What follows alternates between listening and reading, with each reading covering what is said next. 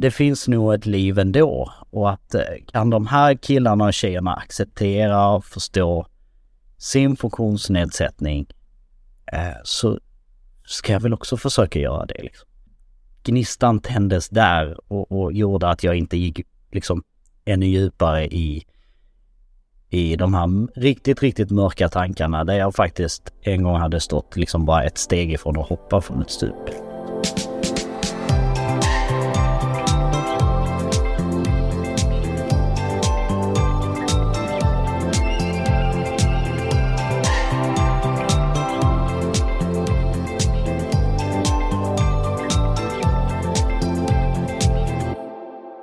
Idag ska vi få höra på en eh, spännande livsberättelse igen. Vi har med oss Fatmir Seremetti som är föreläsare, tillgänglighetskonsult, elitidrottare bland annat. Ja, men verkligen. Eh, tidigt i tonåren så fick Fatmir en svår ögonsjukdom som helt vände upp och ner på hans liv. Och nu så föreläser han om sin tuffa resa från en ung synskadad liten grabb i Rosengård i Malmö till en framgångsrik elitidrottare som hänger på de stora arenorna runt om i världen. Och dessutom så har han blivit en eh, riktig kändis på TikTok. Välkommen hit Fatmir.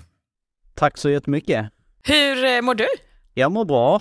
Lite trött. Eh, jag kör in en ny ledarhund nu. Ah eh, som heter Komet. Som är väldigt energisk, glad och jätteduktig. Eh, och det tar ju tid och man blir lite trött. Ja, Vi går väl i snitt 25 000 steg per dag ungefär. Oj, ja, du sitter ju i, i Malmö. Bredvid Komet ser ju vi. Det ser ju inte de som lyssnar utan de kanske hör ett litet sånt här mm. rassel, rassel, rassel ibland. Men vi Då ser att han dök in där alldeles nyss i bilden. En svart labrador, jättefin.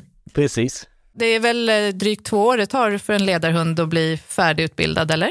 Precis, Komet är exakt två år nu. Eh, han blev två år i mitten på mars eh, och då går de ju oftast ut och arbetar hos förarna då när de är två. Mm. Och då har man 10-14 dagar kurs då tillsammans med dressören, oftast som har dresserat hunden också. Så jag har en jätteduktig tjej som heter Sara här som är med hela veckan då tittar till oss och hjälper oss att eh, lära oss att hitta de vägar vi ska hitta till. Så då, då kan Komet liksom alla dina, dina vanligaste platser, det liksom, ja, där känner även precis. han sig hemma? Ja. Eh, så det handlar liksom om att man, man, bygger upp ett samarbete. Så att jag ska ju alltid veta vad jag är, vad vi ska. Mm. Det är jag som bestämmer, men eh, han ska ju liksom visa mig, ja men här är den stolpen vi brukar ta, här är kanten, här är Eh, alla hinder och så här på vägen ska han ju undvika. Elsparkcyklar och trottoarpratare, allt sånt där. Oftast märker jag inte av dem överhuvudtaget för att han, ledarhunden då navigerar förbi dem. Mm. Men du, i vår introduktion eh, av dig här så eh, berättade vi att du är paralympiker, eh, TikTok-kändis, egenföretagare, föreläsare. Hade du trott det som 13-åring? Nej, verkligen inte. Nej, jag fick ju min synnedsättning då i 12-13 års åldern ah. och då förändrades ju mitt liv totalt upp och ner. Jag sysslade, jag spelade fotboll som barn och tyckte det var liksom det roligaste som fanns i hela världen eh, och tänkte att liksom, jag hade en klar plan om att jag ska bli proffs i fotboll. Eh, vi bodde på Rosengård i Malmö och för många av de kidsen som bodde där liksom, det var ju liksom det man drömde om. Det var det som var det stora grejen. Det var fotboll från morgon till sen kväll när man gick och la sig liksom. Alltid, alltid, alltid. Hur gammal är du jämfört med Zlatan? Eh, jag är ett, ett år yngre. Jag är ah, okay. 40. Mm. Ah. Eh, alltså ja, vi, vi, har, vi har träffats på gårdarna och, ah. och sådär. Det har vi. Vi har ju lirat lite gårdsfotboll och sådär. Ah. eh, men eh, det var liksom det som var den stora drömmen. Men sen när synskadan kom, jag fick ju grön starr och den tog ju över 80 procent av synen på mindre än två år. Och efter det har det gått gradvis neråt och i samma takt försvann också lite viljan att leva, glädje. Eh, den här hopplösheten tog över. Jag kände ingen som var blind eller synskadad. Jag visste inte hur ett liv som synskadad skulle te sig skulle bli. Jag såg bara problemen och hindren. Eh, hamnade i en djup depression. Eh, det gick faktiskt så långt så att jag funderade på om livet var värt att leva vidare eller inte. Eh, och, och hamnade i tankar om hur ska jag liksom på bästa sätt kunna försvinna? För att jag, jag pallar inte, jag orkar inte leva med det här.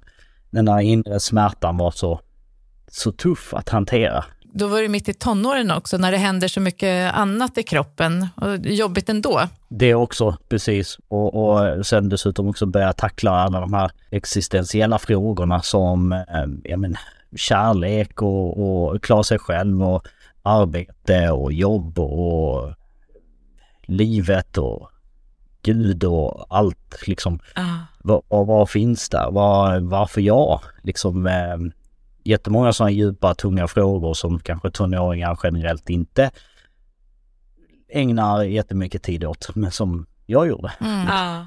Men vad, hur kom vändningen då? Eller för det var ju säkert så här under en period.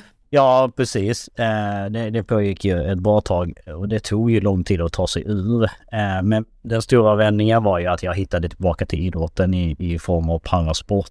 Det var en tjej som eh, hette Laila Ström som jobbade på det som idag är Specialpedagogiska skolinstitutet.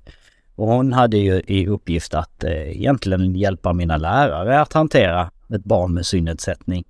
Men hon insåg ganska tidigt att inga insatser i världen, inga hjälpmedel i världen, ingen studieteknik kan hjälpa den här grabben om man inte hittar glädjen igen.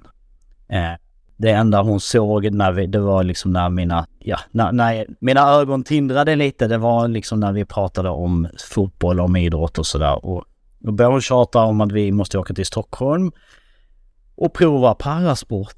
På den tiden det handikappidrott och i mina öron lät inte det alls speciellt sexigt liksom handikappidrott. Vad är det för skit? Det är inte jag håller på med. Nej, och det där, jag känner eh. igen det så himla väl. Jag eh, hamnar ju i rullstol. Jag har ju tränat jättemycket men var med om en olycka för 14 år sedan och har tränat massor. De bara, men kom vi kör och volleyboll. skidor mycket Jag också. skidor ja, och tränar, alltså idrott har varit mitt liv. Och sen så bara, men kom och kör volleyboll. Och jag bara tänkte, ah, ja men bollsport har jag alltid gillat, det kan jag testa så här, för man är så deppig ändå. Så kör de en stor ballong och jag, bara, jag vet hur jag tyckte Efteråt kan jag förstå varför, men jag tyckte det var så töntigt så jag drog ju bara därifrån. Jag vägrade. Så det tar ju ett tag att bara förlika sig med det som du säger, handikappidrott eller att, ja, att göra det på ett nytt sätt. Mm, exakt. Men, men det, det, var inte det som var det läskigaste för mig, liksom att, att, att jag skulle åka på det här läget. Det var ju så här, oj oj oj, nu ska jag åka till ett läger där hundra eh, andra barn och ungdomar är minst lika deppiga och trötta på livet som jag själv eh, okej, okay, det är liksom ett läger i hur begår vi självmord på bästa sätt, typ. Tjo, wow, fantastiskt, då ska jag åka dit liksom. Eh, jag ville inte åka, men eh, hon och, och, faktiskt mina föräldrar tjatade lite också. Nej men åk nu liksom. Jag kom dit, eh, fick prova på massa med idrotter, inklusive då goalball som jag sen skulle fastna väldigt hårt i. Eh, men det var ju egentligen inte idrotten i sig som var, som var det viktiga just där och då. Eh, utan eh, senare på kvällen då efter en hel dag springande runt där i massa idrottshallar, simhallen och överallt och, och där jag testat massa idrotter så frågade ju Laila mig, men du Fatmi har du haft roligt idag? Jag bara, nej. och då säger hon nej, det där stämmer inte riktigt. Och då har hon tagit massa bilder på mig som under tiden då jag håller på att idrotta. Där man ser att leendet är liksom så här långt mm. upp i liksom i det här jättesmile. ja men ja, du har haft ganska roligt ändå. Men det som var egentligen, det, det viktiga var att jag, alla de här ungdomarna och unga vuxna som var blinda och synskadade. Ni vet, det blev som en chock för mig för att de var så många, men det var ingen som pratade om att vara blind. Så det var liksom inte det som var samtalsämnet. Synskada, ja ja, vem bryr sig? Det alla här ser inte så. Utan det var allt snack om tjejer och killar och fester och sport och kläder och musik och allt det där som vanliga ungdomar gör. Och där någonstans så tändes en liten gnista av hopp. Jag tror det var där det vände, liksom att det finns nog ett liv ändå och att eh, kan de här killarna och tjejerna acceptera och förstå sin funktionsnedsättning eh, så ska jag väl också försöka göra det. Liksom. gnistan tändes där och, och gjorde att jag inte gick liksom ännu djupare i, i de här riktigt, riktigt mörka tankarna där jag faktiskt en gång hade stått liksom bara ett steg ifrån att hoppa från ett stup. Det var det Laila som, eller kanske både Laila och dina föräldrar som, som såg vad du verkligen behövde där då? Ja men framförallt Laila. Eh, just där och då var ju Laila liksom A och O. Eh, hon finns dessvärre inte med oss längre. Hon, ja cancern tog henne för en tio år sedan eller något sånt där. Men eh, för mig är hon en ängel som jag såklart aldrig glömmer. Nej. Men hur kom det sig att det blev just goalball då? Vill du, vill du beskriva vad goalball är för, en, för, för slags sport? Ja, men I och med att jag höll på med fotboll och liksom var van vid lagidrott och jag hade liksom, jag har ett bollsinne som kanske många inte har.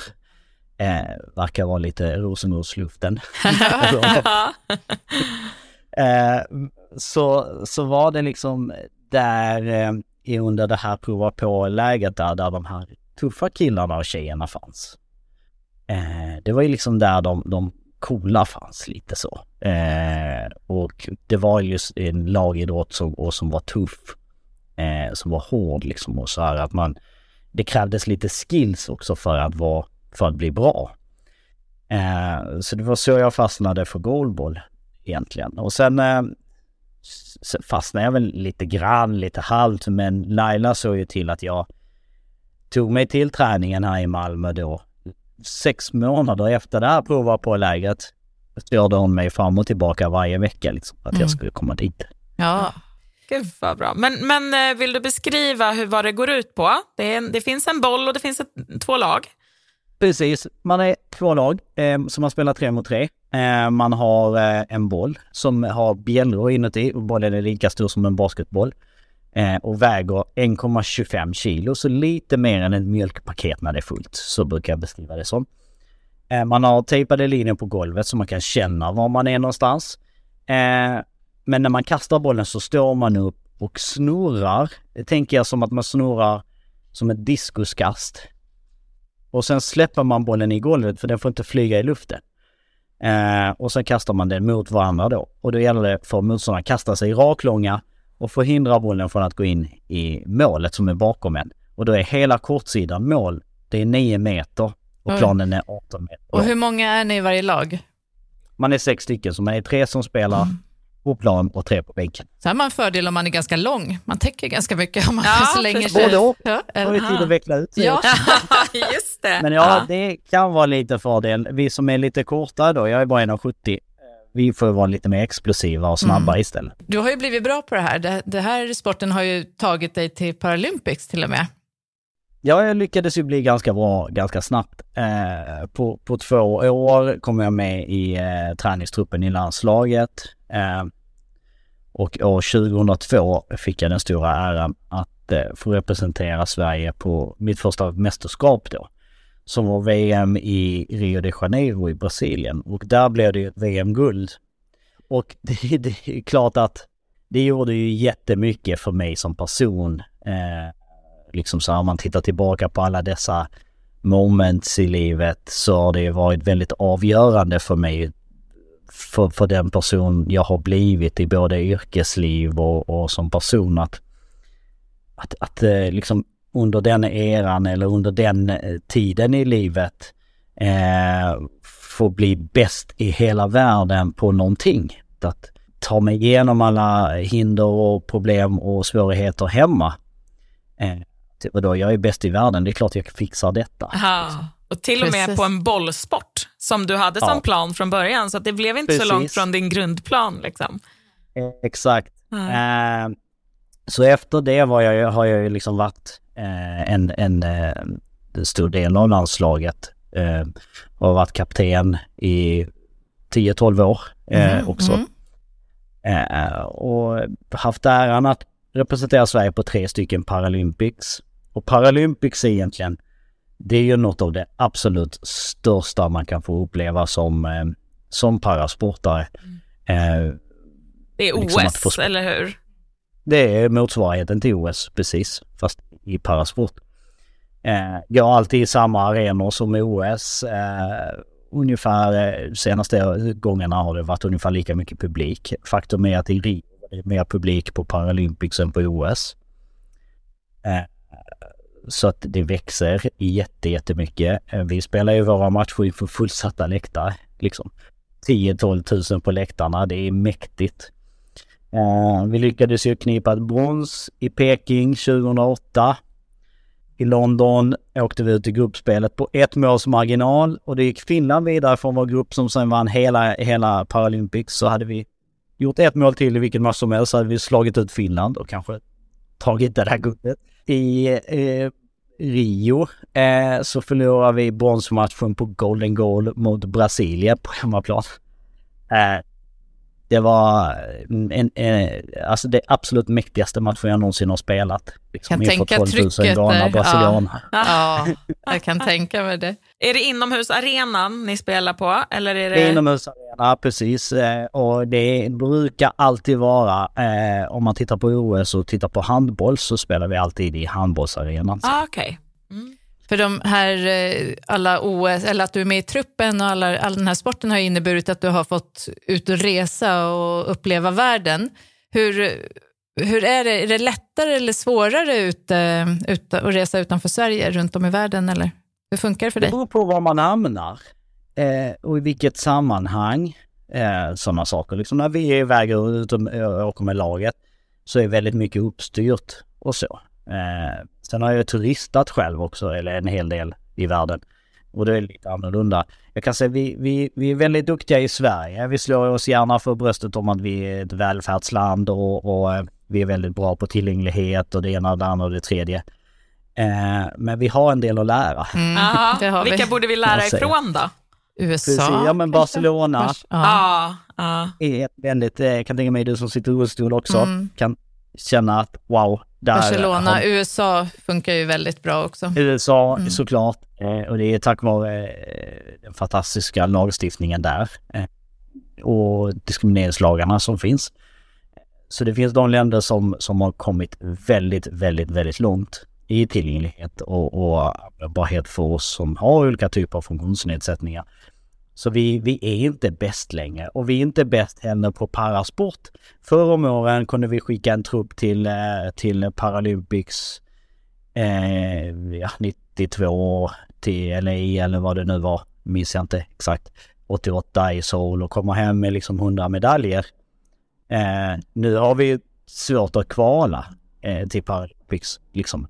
Men är det eh. att eh, vi får, hög, vi får mycket större konkurrens för att det satsas mer utomlands eller är det att man inte satsar tillräckligt här i Sverige då, tror du? Ja, men konkurrensen har ju ökat. Mm. Alltså extremt mycket. Eh, det är liksom, vi pratar om proffsliv utomlands på ett helt annat sätt än i Sverige. Och då blir det liksom att vi inte hänger med riktigt. Vi lever ju fortfarande på den här liksom, ja men fina ideella kraften kraften liksom och tanken att eh, vi ska vara med för skojs skull och så. Men för att vi ska vara med på för skojs skull så bör vi också satsa på eliten för att liksom synas och där uppe. Eh, I Peking hade vi 90 någonting aktiva som var med. I Rio hade vi 50 någonting. I Tokyo var det 20, 22 oj, stycken. Oj, oj, det, ja. Och det är för att man inte liksom har kvalat in? Eh. Ja, precis. Det, det är jättetuffa kval. Eh, om man bara tar goalball som ett exempel. Åtta lag får vara med på här sidan, åtta lag på damsidan. Eh, det är över 160 länder som slåss om de där åtta platserna. Ah, ja, då förstår man att det är en viss, en viss konkurrens. Och då pratar vi liksom konkurrens mot länder som har eh, enorma paralympiska program med paralympiska center där de har liksom möjlighet att kunna avlöna spelare och sådana saker.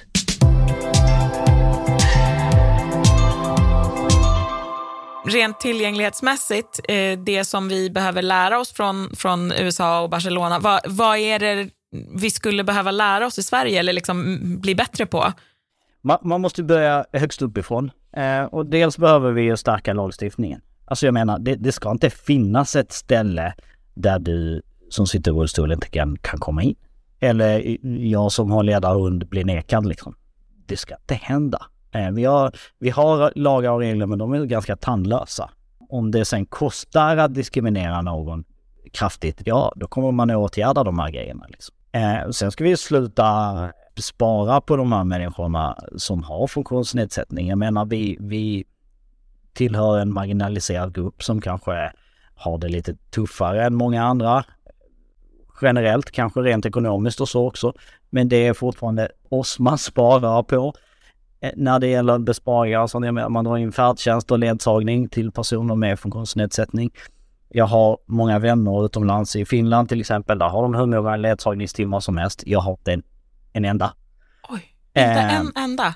Nej, jag blir nekad. Eh, jag har fått, jag fick fem timmar i månaden Eh, och då var de liksom öronmärkta till att gå till apoteket och gå till frisören och något annat ställe. Och det är sådana ställen som... som är enklast nästan att gå till. Ja. Dit hittar jag själv. Ja, ja precis. Vad skulle du vilja gå, vad vill, skulle du vilja använda dina timmar till då? Ja men exempelvis när jag är på gymmet. Att hitta vikter och, och ta mig runt där. Det är ganska trångt och, och mycket folk och sådär. Det kan hända olyckor. Eh, gå till affären när jag känner för det, när jag vill. Eh, att eh, gå på konserter att gå till kaféer och restauranger. Um, dra mig runt i, i, på olika ställen som jag inte varit på innan. Mm. Nej, precis. Så där har vi ju mycket, mycket att lära oss liksom. Att mer individualisera hjälpen för personer som har funktionsnedsättning till exempel. Mm. Mm. Ja men uh, verkligen. Och sen uh, är det ju liksom rent så här tillgänglighetsmässigt, ja men vi, vi, vi är inte bäst längre. Vi, vi har länder som springer ifrån oss och vi måste komma ikapp. Det är väl en, en väldigt viktig insikt att, att ha, att, att inte liksom klappa sig på, på, på axeln och känna att man kan leva på gamla meriter, för det funkar inte längre. Nej, ja, men så är det. Du har ju eget företag. Vill du berätta lite vad du, vad du gör, eller vad det är för företag? Precis. Eh, faktum är att jag, jag har ett, eh, en tjänst som säljare också på ett IT-bolag Eh, där vi hjälper eh, först och främst näringslivet att marknadsföra sin tillgänglighet. Eh, och det, det, det företaget heter Handiscover och eh, vi hjälper eh, shoppingcentrar eh, just nu med att eh, visa hur tillgängligheten ser ut hos dem. Så går man in på till exempel eh, ja men ta eh, mobilia.se eller Skärholmens shoppingcenter exempelvis i Stockholm så kan, finns det en liten, liten knapp längst ner som heter tillgänglighet. Och klickar man på den, då kommer man åt all den information som vi samlar in och eh, synas. Och det är all har... typ av tillgänglighet? Precis, mm. det är all typ av tillgänglighet men stor fokus på mobilitet, alltså om man sitter i rullstol exempelvis och så. Behöver veta, finns det trösklar där, finns det handikapptoaletter? All den information man behöver finns där. Eh, sen eh, driver jag ett eget bolag också som heter Insight Visions eh, där jag framför allt håller på med eh, föreläsningar och då är det kring eh, inspiration, motivation, teambildning, ledarskap eh, och den bygger ju mycket på mitt liv. Eh, allt som jag har gått igenom i livet. Mina eh, idrottsliga prestationer, eh, allt som jag har lärt mig där liksom. Do's and don'ts ledarskap jättemycket. Jag har haft enormt många ledare, enormt duktiga, fantastiska, bra ledare, men också något sämre ledare. Eh, vad kan man lära sig där? Hur bygger man ett team? Hur jobbar man i, liksom, i ett arbetslag? Eh, vad, vad, vad, betyder alla de här sakerna vi säger till varandra? Hur höjer man stämningen i en grupp? Hur eh, enkelt, liksom jag brukar ta som ett exempel att, eh, och, och det här har ju alla som jobbar på en arbetsplats där det finns fler kollegor känt på. När man sitter i fikarummet och så kommer då eh, någon som eh, helt plötsligt drar ner hela stämningen genom att säga en mening. Liksom. Eh, eller de som kommer in i fikarummet och så bara höjs hela stämningen beroende på vad den här personen säger. Och, och vad betyder det för arbetsmoralen, för, för liksom trivsel och prestation i längden också? Hur presterar vi? Resultaten är väldigt beroende på det som vi gör i det lilla. Liksom. Eh, jag har haft coacher som aldrig skulle använda ordet aldrig. Eh, eller inte. Eller sådana saker, för de vet ju betydelsen av det. Jag kommer ihåg en, en match på ett kval i USA. Vi skulle kvala till Paralympics och eh, vi hade ett skott kvar. Jag skulle skjuta bollen. Och då kommer coachen in och så tar mig på axeln och så säger han, men du, ta ett djupt andetag nu. Du har gjort det här hundra gånger. Bara gör det du brukar göra. Gör mål. Och jag gjorde det. Tänk om man hade sagt så här, Missa Besätta det här. inte. Ja, just det. Ja. Det förstår är du? som att säga till barn, spill inte nu. Ja. Men vilka är dina favoritlyssnare då när du är ute och föreläser? Alltså jag har alla möjliga. Jag ska inte säga att jag har några favoritlyssnare. Eh, det är ju väldigt, väldigt kul att gå in i ett stort bolag, eh, ha en föreläsning och sen kommer de fram, eh, framförallt ledningen och säger men du, vi har ingen som dig här. Varför har vi inte personer med funktionsnedsättning anställda? Det är liksom det som är meningen med att föreläsa för de här bolagen, det är att, att de ska känna så. Där finns potential där ute som ni går miste om.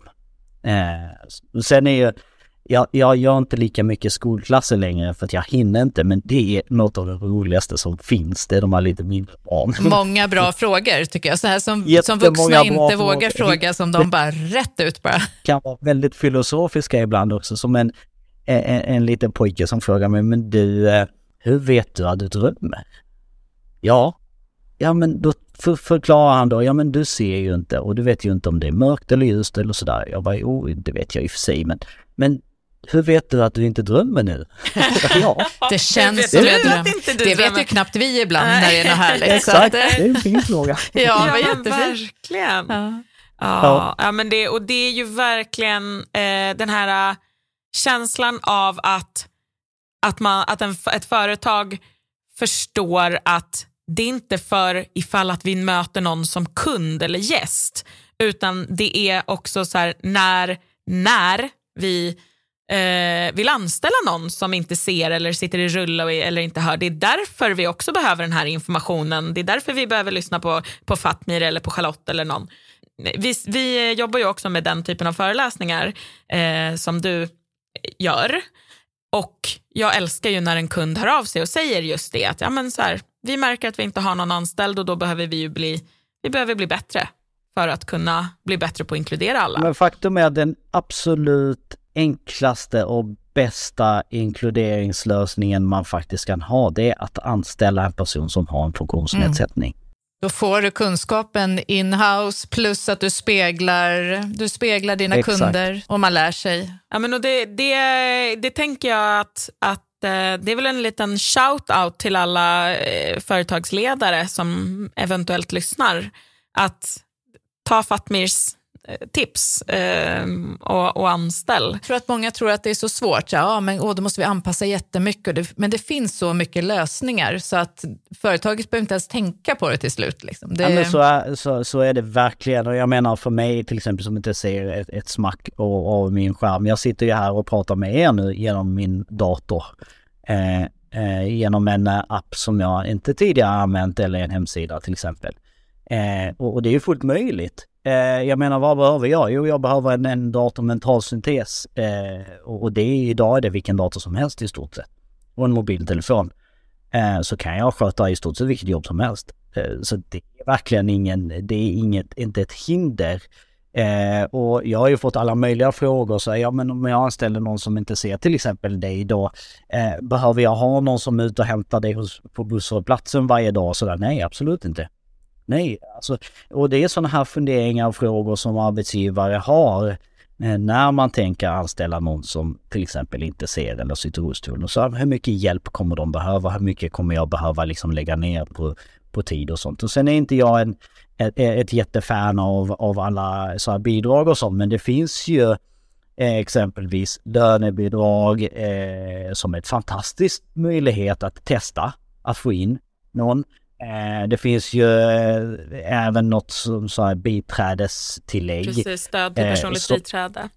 Precis, stöd, ja precis. Och då kan man ju få hjälp med, med massor med saker liksom och, och få lite ekonomisk ersättning för det som företag från eh, Arbetsförmedlingen exempelvis. Så det finns eh, hur mycket sätt och möjligheter som helst. Man kan ju Eh, testa via, med en praktik också, att man bara ger en person en chans på företaget via en praktik till exempel. Så får de se att det inte är så krångligt. Faktum är att min talsyntes går i, i, i väldigt hög hastighet. Jag gör ju saker och ting snabbare än, än många andra. Oh ja, vi har hört uh, Ulrikas talsyntes och det är så här, man bara, va?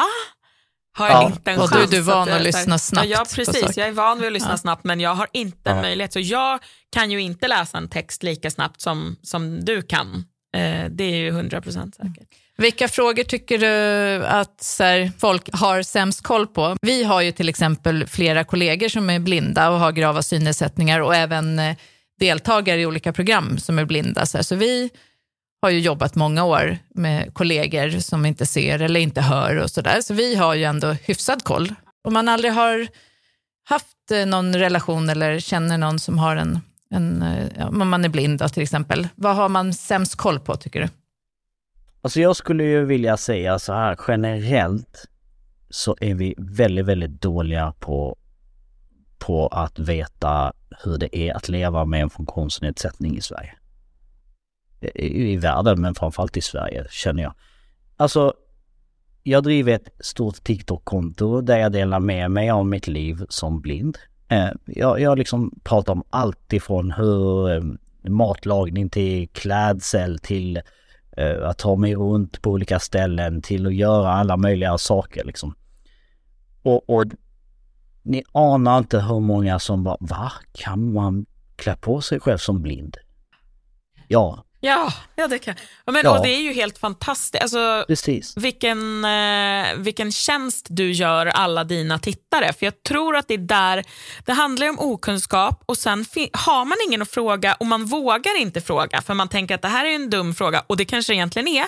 Men så länge man inte har frågat någon då har man bara sitt eget, sitt eget antagande som antagligen är tvärfel och liksom mm. Man utgår ju från ja. sina egna perspektiv.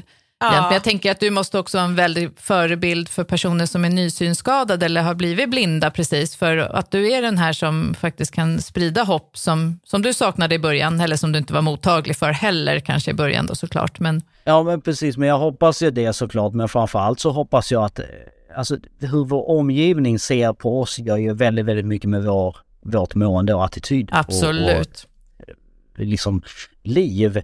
Eh, för att om, om någon ser mig som en totalt värdelös, hjälplös eh, liten eh, människa som eh, behöver hjälp med allt, eh, såklart påverkas jag av det.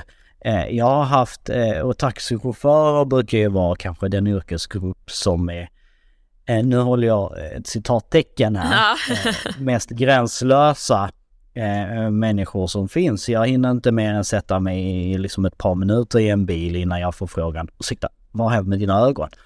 Eh, och, och, som person med funktionsnedsättning kan jag ju bli ganska less, ganska trött på att få den frågan jämt. Så en gång så frågade jag en chaufför, så ursäkta, är du skild? Eh, och då tyckte jag, var, var, varför undrar du? Jag bara, jag bara, varför undrar du mina ögon? Du ska köra mig till stationen, that's it. Liksom, jag känner inte dig jag vet inte vad du heter, jag vet inte vem du är. Du får i alla fall bjuda på en dejt först. liksom. kan gå in på sådana personliga grejer. Eh, men det är klart att jag har också förståelse för att jättemånga har ett behov av att veta och förstå eh, och så också. Så för det mesta, allra, allra mesta har jag eh, liksom stort tålamod med människor och förklarar. Eh, men det blir jämt att man behöver förklara. Det är egentligen så tankarna med den här TikTok-kanalen startade också. Men sen var det en kompis till mig, en träningskompis som pushade mig i sista steget och hon bara, men det är klart du måste starta och sen gick det ju väldigt, väldigt bra, eh, väldigt snabbt. Hur kom det sig att det eh. blev just TikTok? Ja men hon höll ju på med TikTok, ah, den här kompisen. Ja, och det verkar ju vara det som är liksom det, grejen nu. Så att... Precis, det är den stora liksom, sociala mediekanalen och det är där man, man syns och hörs och, och det är liksom både vuxna och barn och, och, alla hänger där liksom. Och det är så snabbt och lätt också. Eh, så det är därför det blev TikTok. Eh, sen eh, har jag väldigt mycket interaktioner på Instagram också. Eh, på olika Vad sätt. heter du det, på Instagram? Eh, Fatmir understreck Seremeti. Mm. Och på TikTok bara Fatmir Seremeti. Ja, ah, i ett liksom. Mm. Och vad är det, du nämnde lite olika saker som du delar när du lagar mat och när du liksom väljer kläder, men vad, vad kan det mer vara? Ja, men jag kan ju prata om så här, men vad, vad kan man jobba som om, om man är blind? Eh, hur, eh, som nu är det jättemycket kring min nya hund här till exempel. Eh, hur ska man agera? Hur agerar man eh, om man möter en ledarhund till exempel? Hur tränas en ledarhund? Vad, vad, hur jobbar vi tillsammans som ett team? Eh, väldigt populära klipp här till exempel som jag har gjort. Men jag såg ett, ett eh, klipp med dig där du också berättar om hur det fungerar med elsparkcyklar som ligger mitt i vägen och så. Och hur eh, de, dina följare reagerade och var så här, åh förlåt, jag ska aldrig göra så mer, nu fattar ja, men jag. precis, och det, var det, det är lite min approach till det hela. Såklart att jag lackar ur ibland och svarar lite drygt och lite dumt på vissa frågor på, på eh, TikTok också. Jag är bara människa jag också. Eh, men eh, men min approach har ju varit, till exempel, ta elsparkcyklar som ett exempel. Alltså jag hade gärna kört en sån. Om jag hade sett hade jag gjort. Men man måste också förstå att det här är ett hjälpmedel för oss alla. För alla människor som kan använda dem. Att du, för att du ska kunna ta dig smidigt från ett ställe till ett annat. Men se då till, ha den där lilla tanken extra att var placerar jag den här så den inte är i vägen för någon som inte ser? För det kan bli ett problem. Och den approachen har ju verkligen liksom gjort jätteskillnad. Jag tror det klippet är uppe i två miljoner views eller något sånt där. Nästan. Eh, och det har ju liksom blivit eh, sån där snackis, en sån där grej liksom där, där till och med Al Jazeera och, och eh, wow. TV från Tyskland och massa andra hörde av sig och ville göra intervjuer. Ja, vad kul.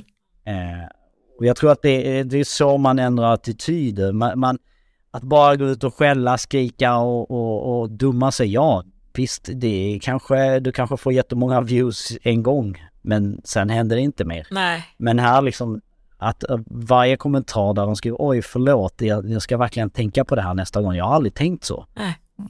Kitching, då har jag lyckats. Ja, men verkligen. Har du åkt med på sparkcykel bak, stått bakom? Man får inte det. Får, nej, men vet du vad jag gör? Jag, har ju, jag åker ju spark, jag sitter i rullstol, men då står, stod min pojkvän på sparken och eh, jag grabbar tag i byxfickan eller bak i brallan på honom och så har jag så här free wheel fram och så åker vi inne i stan. Alltså det går ju ganska fort. Så folk de tittar, det är ju så här öppen mun, så de bara, vad fan var det där? Och jag har inte sett någon i lagboken, så här, man får inte åka rullstol hållande i byxbaken på man... någon som kör fri eller Nej, eh, elspark. Det är det att skjutsa, nej Men det är alla, det, jag möter ju så mycket glada eh, miner ja. och, och folk bara, åh vilken lifehack, och det är jätteroligt. och livsfarligt förmodligen. Ja, men... precis.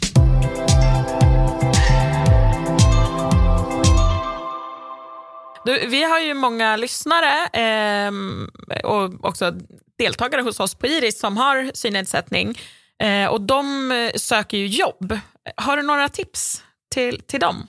Ja, eh, eh, jag har funderat på den här frågan jättemycket och egentligen så här, jag själv har känt någon som känner någon som känner någon. Jag har byggt ett nätverk. Börja med att fundera först, vilka känner jag? Hur ska jag bredda det här nätverket? Dels får du fler vänner, fler människor du känner. Det blir roligare. Eh, och dels så öppnas ju fler möjligheter för dig. Hela tiden. Ja men, gå på en eh, föreläsning. Prata med folk där. Prata inte bara med den du är med. Gå fram, säg hej, presentera dig. Berätta vad du kan. Lyssna på vad, så här, vad säger den här människan? Vad är de bra på? Vad gör de? Vad kan du då bidra med hos dem? Jätteviktigt. Nätverkande är A och O. Om du inte tränar idag, kom igång, träna, gå på gym. Jag lovar dig, jag tränar på Sats. Varje dag träffar jag människor som jag står och pratar med. Varje dag. Och det är väldigt många olika människor rätt vad det är så bara, ja men vad gör du på, liksom vad jobbar du med? Ja just nu söker jag jobb. Ja men vad, vad behöver du för jobb? Ja, fan du kan testa hos oss. Liksom. Det är ett perfekt, eh, liksom perfekt ställe. Ja men så här baren, visst man går inte bara dit för att dricka bärs och ragga kanske, men också träffa människor, din lokala bar, gå dit någon gång då och då. Eh, säg hej till människor. Eh, var trevlig, glad, positiv. Eh, så löser det mesta sig själv. Eh, också, våga ta kontakt med ett företag. Ja men säg så här, jag är intresserad av att jobba med det här. Och de här företagen finns i min närhet, i min stad, som jag, gör det här som jag vill göra. Ring, boka in, eh, fika, ett möte. Bara hej, jag är jätteintresserad. Eh, jag skulle vilja jobba med det här som ni gör. Får jag komma till er och hälsa på? En fråga som vi ofta får, eller som många av våra deltagare ställer sig, är så här, ja, men när, i vilket läge ska jag berätta att jag är blind eller har en synnedsättning? För det är ju inget man skriver i sitt CV, men det behöver ju ändå komma fram. Vad har du för tankar kring det? Alltså, I mitt CV är det väldigt tydligt att jag spelar goalball och gjort det, men så för mig liksom är det lite annorlunda kanske. Och, och gör du något sånt så ska du ha det med. Det är bara en positiv grej om du är idrottlig och aktiv eller spelar musik eller världsmästare i schack eller vad det nu Så är det personliga vara. brevet då? då? Precis, mm. det, är, det är ganska intressant, det är ganska viktigt. Eh, men, men sen brukar jag vara ganska tydlig med att ja, nu ser inte jag ett smack. Jag kommer här med min ledarhund. Stort sett. Alltså, ta kommandot. Precis, och visa att det inte är något konstigt. Bestäm. För jag vet, jag har haft Precis. deltagare också som säger, nej men jag säger inte det för att de ska inte eh, bilda sin uppfattning ut efter det, utan det tar jag på intervjun. Men det kan ju sätta både dig själv och den som ska intervjua en väldigt knepig sitt som de inte vill hamna i, men kanske inte ens kommer in. Den personen som du möter kanske man får den att känna sig dum, att det blir konstigt, så att man inte hinner förbereda sig så som man ska. Ja men så här, hej, ja, men jag, då ses vi på onsdag eh, på intervjun. Jag, jag kör rullstol. Mm. Oj, ja. Kommer jag in? Finns det någon, kommer jag in genom vanliga ingången? Mm. Så bara, ja men det är inga problem, jag kan ta mig upp ändå. Wow. Nej, men, och jag tänker också i CV, ur ditt perspektiv så skulle ju du kunna, liksom, ja men styrkor, ja, jag läser snabbare än de allra flesta faktiskt. Ja, eh, precis. För att, Till exempel. Ja, och se dina fördelar och dina styrkor som du har ja. eh, på grund av eh, att du inte ser. Ja men precis. Ja, men så här, jag, jag är bra på att lyssna och ta in information exempelvis. Jag kan ta in jättemycket information på kort tid. Eh, fast jag inte ser. Eh, till exempel, det, det kan ju vara en styrka. Alltså, tänk bort det här med, alltså det är bara en, liksom, din synnedsättning eller rullstol eller vad det är. Det, det, det, är inte, det definierar inte dig, du är du. Eh, det är bara ett hjälpmedel eller en, en bigrej som du har och som du bara nämner i förbifarten. Så. Det är liksom inget konstigt du ska själv hamna i, i den insikten att det här är inte konstigt. För om du själv tycker det här är konstigt, oj det är jobbigt att prata om, det är jobbigt, hur ska jag berätta, hur ska jag ta det? Då, då kommer det låta konstigt, då kommer det låta knepigt. Se det som en självklar grej av dig själv. Och det där är ju lätt om man har levt med det en stund eller, än om man är nysynskadad eller nyskadad eller sådär. Men det är ju sånt, det är en utveckling eller en del i processen. Liksom. Vad, vad, skulle du vilja säga till eh, de arbetsgivare som lyssnar då? Om du säger tips eller råd eller så. Ja, så här, jag känner synskadade idag som har fler högskolepoäng än läkare som inte har ett jobb. Alltså förstår ni vilken potential det finns där ute som, som, som ni går miste om? Eh, det är otroligt smarta, duktiga människor. Eh, jag känner människor med autism som kan sitta och, och eh, palla upp saker på ICA liksom dag in och dag ut till perfektion. Eh, som eh, fantastiskt duktiga som hade älskat att få göra det. Liksom. Så tänk efter egentligen. Det är en funktionsnedsättning, ett hinder eller en superkraft. Jag ser det som en super... Jag menar jag, som, som du själv sa, jag kan läsa otroligt mycket snabbare. exempel, ja, det litet exempel med rätt anpassningar och, och rätt ja. förutsättningar så, är, så blir det en, en superkraft. Verkligen. Precis. Mm. Du, tusen tack Fatmir, det här har varit superspännande.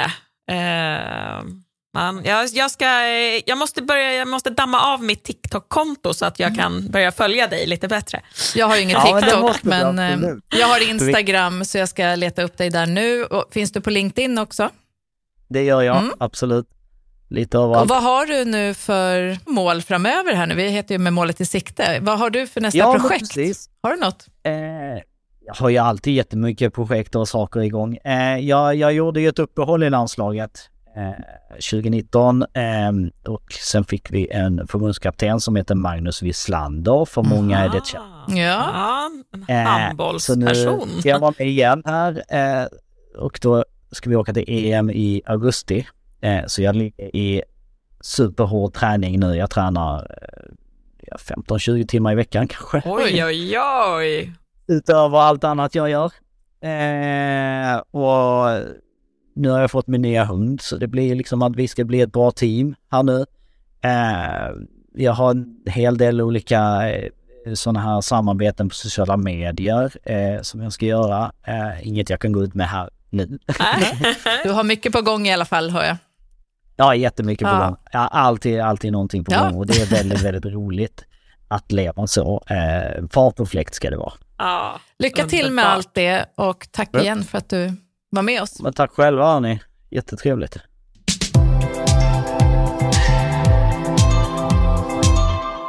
ja men vad härliga ni är, Fatmir. Ja, och jag tycker det är så himla fint och viktigt det som han säger, att han avdramatiserar. För oftast så tror jag som person, om man inte vet hur det är eller har någon kollega som har en synnedsättning, man tror att det är mycket svårare än vad det faktiskt är att anställa. Vi ser ju också kompetensen, vilken kompetens det finns. Vi har ett uppdrag som heter AUB-syn på Iris, där ja, vi coachar arbetssökande blinda och svårt synskadade, eller gravt synskadade eh, ut i arbete och studier. Och vi ser ju vad de här personerna, ja men vi ser alla deras drömmar och vad de vill och kan och en otrolig kompetens. Många av dem börjar plugga och studera och andra söker jobb då. Ja, men och som, som Fatmir säger, det finns ju de som har en enorm utbildning och det finns så många styrkor. Om man bara vågar prova och se att så här, ja, men, aha, det här som jag trodde var ett problem var absolut inget problem. Eh, och sen så får man dessutom en massa styrkor som man inte hade förväntat sig. Och här finns ju verkligen möjligheten att, att prova på med en, en praktik inledningsvis. Så hej du arbetsgivare som känner att nej, men nu är det dags, nu, nu behöver jag faktiskt eh, Vidga mina vyer här. Ja, eh, precis. Så hör av er till oss på Iris. Eh, gå in på iris.se, dra ett mejl till eh, lisa.gustafsson.iris.se eller Charlotte.olsson, O-H-L-S-O-N, iris.se. och eh, säg vem skulle ni kunna tänka er att att, um, ge en, eh, en chans? Vi har ju massa olika kompetens. Vi vet bland annat kundservice-medarbetare, vi har personer som har jobbat inom lantmäteri, vi har massor med kompetens just Ja. nu. Så nu gäller det att vara först på bollen här. Hörrni, vi hörs igen om eh, två veckor. Tack snälla för att ni har lyssnat. Ha det gott! Hej då! Hej hej!